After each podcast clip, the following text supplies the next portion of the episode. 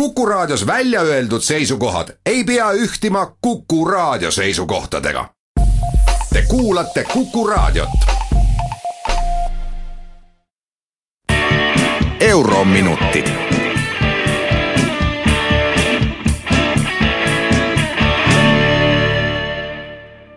tere päevast, kallid Kuku raadio kuulajad! eetris on Eurominutid ja Kersti Kaljulaid. täna on teemaks juba majanduskriisi varasematest aastatest heaks sõbraks saanud Euroopa semester. järjekordse semestri kokkuvõtte avaldas Euroopa Komisjon tänavu märtsis.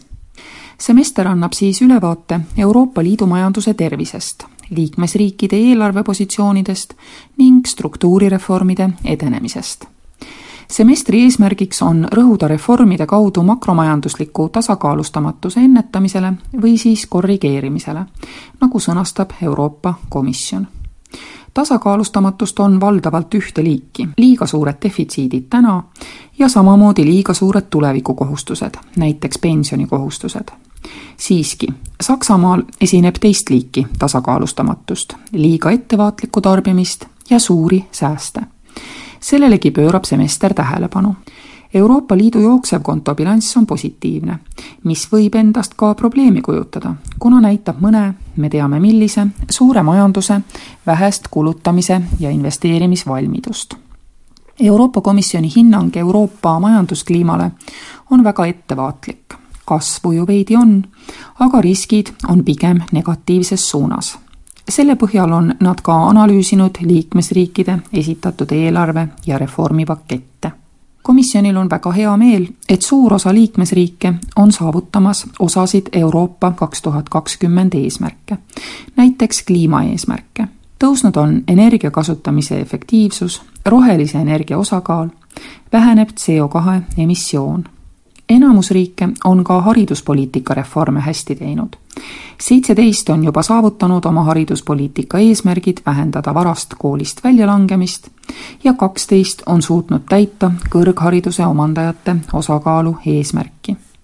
kehvemini on tööpuuduse näitajatega, kuigi tööpuudus vaikselt mõnel pool kahaneb tööga hõivatute hulk on siiski Euroopa Liidus tervikuna juba seitsekümmend ja pool protsenti tööjõulisest elanikkonnast, kasvades ühe koma ühe protsendipunkti võrra kahe tuhande viieteistkümnendal aastal ja saavutades niimoodi kriisieelse taseme.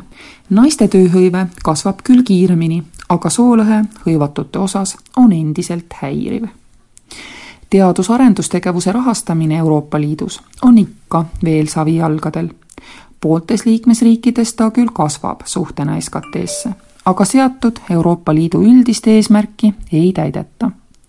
veel kehvemini on vaesuse ja sotsiaalse eraldatusega. majanduskriisi järelmõjuna kasvab endiselt kogu Euroopa Liidus vaesusriskis elavate inimeste hulk. kuigi pooltes riikides on asi nihkunud paremuse poole, siis teise poole nõrk seis muudab kogu muudatuse siiski halvaks pangad Euroopas on paremini kapitaliseeritud kui varem. ka era- ja avalike sektorite laenukoormus vaikselt, kuid visalt langeb. paraku mitte läbi eeskujuliku majanduskasvu, enamasti lihtsalt kokkuhoiu kaudu, mis teatavasti on omaette risk. kuid struktuursed reformid, mis võiksid vabastada majanduskasvu looma, peamiselt siis piiratud tööturud, teenuste turud, nemad segavad endiselt majanduskasvu taastumist kuna majandus on ühtne, siis analüüsib semester mitte ainult igat riiki eraldi, vaid püüab mõista niinimetatud ülevooluefekte teistele riikidele. Euroopa Komisjon uuris lähemalt kaheksateist riiki, et hinnata nende makromajanduslikku tasakaalustamatust. kuuel seda polnud, seitsmel oli natuke ja viiel olid tasakaaluprobleemid väga suured Eesti oli sedakorda vaatluse all ja seltsis Ungari, Belgia, Austria, Rumeenia ja Suurbritanniaga ei kannatanud miskit pidi ülemäärase tasakaalustamatuse all. kergemaid probleeme on Saksamaal, Iirimaal, Hispaanial, Hollandil, Sloveenial, Soomel ja Rootsil. päris kehvasti aga Bulgaarial, Prantsusmaal, Horvaatial, Itaalial ja Portugalil. valim meenutan, on kaheksateist, mitte kakskümmend kaheksa.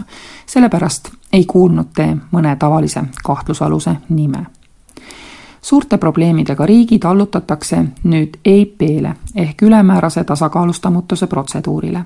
Nendega lepitakse kokku parendusmeetmed. üldine soovitus sellel semestril on, et investeeringud Euroopas tuleb taas kasvama saada, nii avalikud kui ka erasektori omad. Selleks on vaja nii raha kui tingimusi. see tähendab, et liikmesriigid peavad vaatama, ega liiga palju vabunast nööri investorite jalgadesse ei ole takerdunud. komisjon püüab ise eeskuju näidata ja soovitab teistelegi kuidas saab parandada maksustamist, avalikke hankeid, kiirendada kohtute tööd, lahendada pankrotiprobleeme nobedamini, see kõik on igav ja tüütu, kuid äärmiselt oluline süsteemi õlitamine. Ainuke riik, kes on kriisist korralikult taastunud ja kus erainvestoritel tõesti on kulutamislusti, on Iirimaa. teised tavalised kahtlusalused, nagu Eesti, näevad, et investeeringuid hoiavad peamiselt üleval Euroopa Liidu fondid.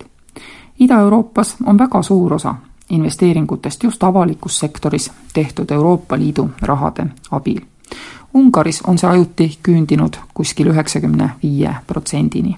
Ega seda ei saa otseselt ka taunida, aga Euroopa Komisjon töötab nende riikidega tihedasti koos, et see raha toodaks tulevikus võimalikult suurt tulu. nõudlikkus võrreldes varasemate perioodidega peaks tuntavalt suurem olema Euroopa Liidu üldise konkurentsivõime kohta meenutab komisjon, et see saab säilida või paraneda ainult siis, kui palgatõus ei edesta produktiivsuse kasvu. Kuigi paljud riigid on kollektiivlepingute kallal hambaid murdnud ja neid majanduse reaalse seisuga kooskõlla viinud, siis alati see ei aita. meil Eestis polegi selliseid jäiku tööturumudeleid eriti, aga näe, ikkagi, ka meil kipub palgakasv tootlikkusest ees käima enamus riike eelistab paraku tööturu paindlikkust tõsta selle alumises otsas, seal, kus tegutsevad osaajaga töötajad, noored ja ajutiste lepingutega töötajad. See ilmselgelt ei aita kaasa produktiivsuse kasvule ja suurendab pingeid seoses noorte tööhõivega, suurendab vaesusriski ja sotsiaalset tõrjutust alumisele tööturu otsale, vähemasti noortele, pakutakse Euroopa Liidu noortegarantiid, kus noorte palkamist otse Euroopa Liidu eelarvest toetatakse. see on aidanud Itaalias ja Portugalis, kus on Euroopa Liidu omadega kombineeritud olulisi kodumaiseid meetmeid noorte tööpuuduse vähendamiseks Eesti ei saa kiita ei hariduse, tööturu, paindlikkuse ega muude sarnaste meetmete all. mainitakse küll sotsmaksu alanemist, kuid rõhutatakse, et ka positiivsete trendidega riikides on just vaeste maksukoormus ikkagi liiga kõrge. Eestit ei mainita, aga mulje vihjest siiski jääb. Balti riigid saavad kõik kiita oma infrastruktuurivõrkude ühendamisprojektide kulgemise eest elektrivõrgud olla meil nüüd juba niimoodi ühendatud Soome ja Rootsiga, et saame vajadusel katta kakskümmend viis protsenti energiatarbest transiidiga kõikide Balti riikide peale kokku. paljud reformivad agarasti teenuste sektori piiranguid, Eestis aga ongi neid üldiselt vähe. see-eest saame kiita innovatsiooni lahtris. oleme arendanud avalike hangete kaudu innovatsiooni võimaldamist ja rahastanud tehnoloogiakeskuste rajamist vautšerite süsteem peaks aitama koostööd teha eriti väiksematel ettevõtetel ja teadusasutustel. aga et meie üldine teadus-arendustegevuse kulutus on pigem stagneerunud, siis soovitakse meile ikkagi hoogu juurde kinnisvarasektoris nähakse Eestis aga mullialgeid, kuigi hinnakasv jääb komisjoni hinnangul loogiliseks võrreldes palgakasvuga siiski arvatakse, et Eesti peaks senisest rohkem toetama väärtusahelas ülespoole rühkimist ja tööjõu pakkumist, et vähendada palgapinget tööturul. Eestile saab soovitusi innovatsiooni ja haridusse investeerida jagada, sest eelarve tasakaalu nõuete osas oleme, nagu alati, muretult endale seatud eesmärke täitmas. nagu komisjon sõnastab, Eesti is overachieving MTO-s ehk ületab keskpikki eesmärke. väga tore on olla overachiever, aga võib-olla ei ole see vajalik.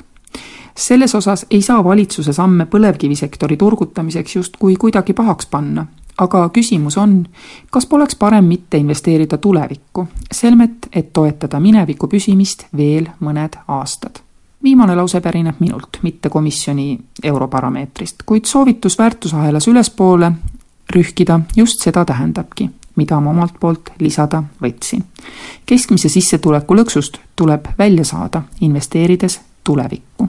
Kuulmiseni jälle järgmisel nädalal. Eurominutid